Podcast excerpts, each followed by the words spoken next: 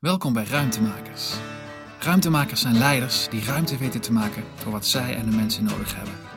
Vandaag deelt Joke van Lonkhuizen Hoekstra, directeur van het Rode Kruis Nederland, haar ervaringen met jou. You come from nowhere. You show me everything I never see. Niet schieten. Dat is de betekenis van het logo van het Rode Kruis sinds haar oprichting. En die betekenis is heel helder. Als ik die goed tot me door laat dringen, best wel heftig.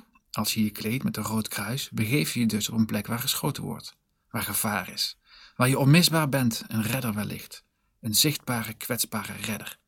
En redders laat je met rust, dat zijn helden en die verdienen een medaille. Ik heb zelf nooit in rampgebieden gewerkt, maar wel veel met vrijwilligers. Dat zijn ook vaak mensen die iets willen redden, willen helpen, en daar schiet je niet op. Die geef je een bloemetje. Het Rode Kruis, nou, als er één organisatie is die niks aan marketing of naamsbekendheid hoeft te doen, dan is het het Rode Kruis wel. Iedereen kent ze en iedereen weet wel ongeveer wat ze doen.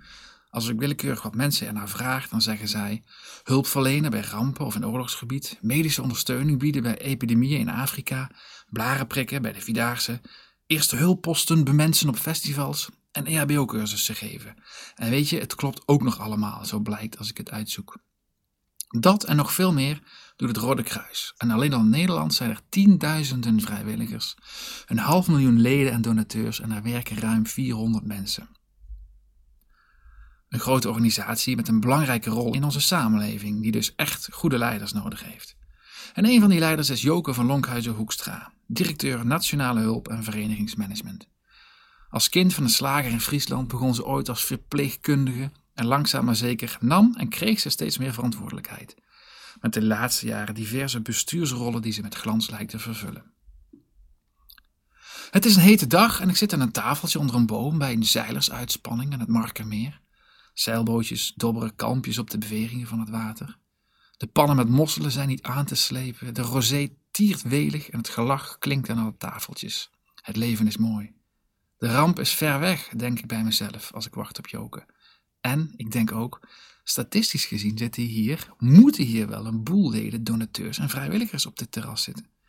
En niet alleen hier, maar dus overal waar ik kom. En waarschijnlijk ook waar jij komt, lieve luisteraar. Ben jij Jules Martin? Ik kijk op uit mijn dagdromerij en richt mijn blik in de richting van de lieve stem die ik daar hoor. Daar staat een zomers en keurig in het zwart geklede dame, met sluikblond haar naast haar rode fiets. Haar montuur is zo mogelijk nog zwarter dan de jurk.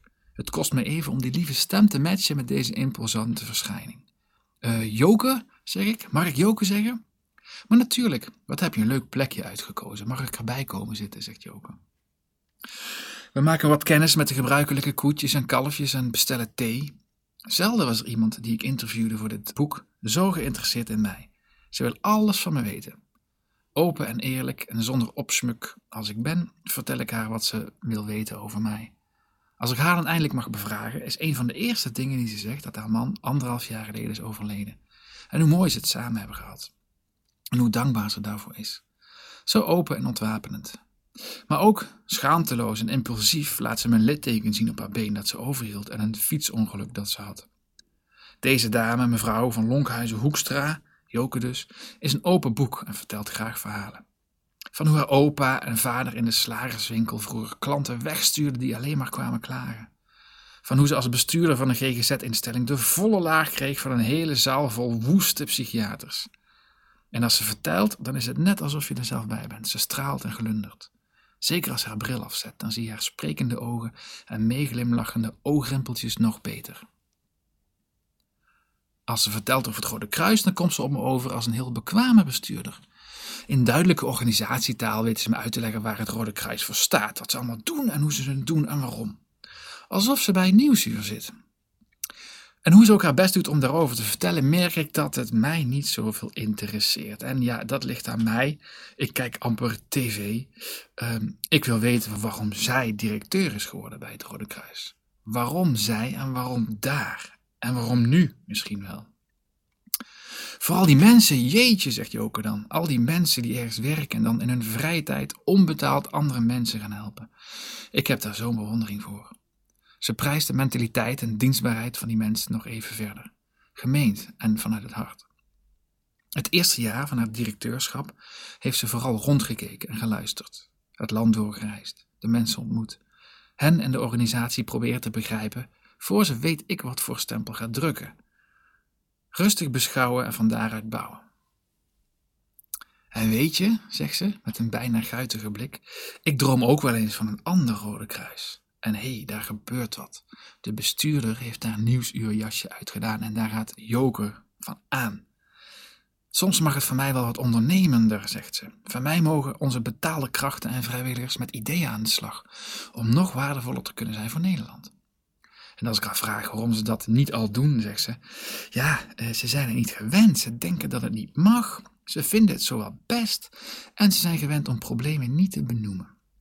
En daar gaat Joke zo mogelijk nog meer van aan. Die mensen zijn zo lief voor elkaar dat ze soms langdurig maar om lastige situaties heen draaien. Niet schieten, denk ik dan. Die mensen hebben het soms zo nodig om gewoon helderheid te krijgen, gaat Joke verder. En openheid, dat geeft rust, dat verdienen ze. En dat is wat ik wil brengen.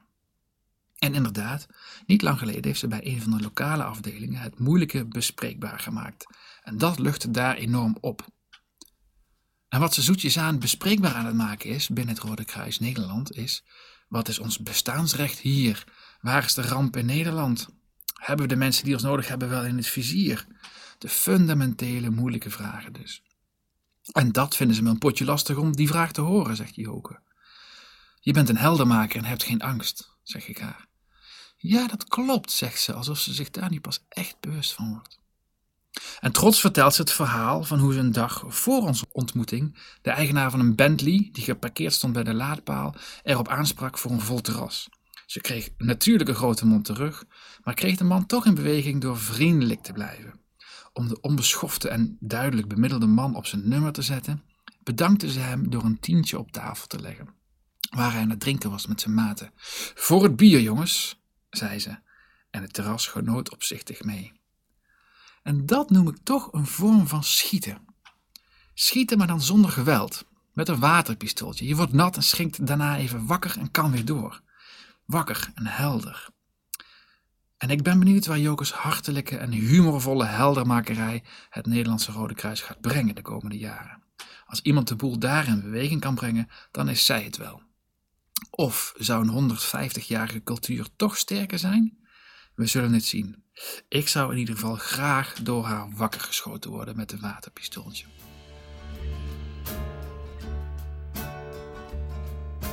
Dit verhaal maakt deel uit van een langere reeks. Op ruimtemakers.nl vind je meer verhalen. En als je wilt, dan gaat er ook een boek van komen.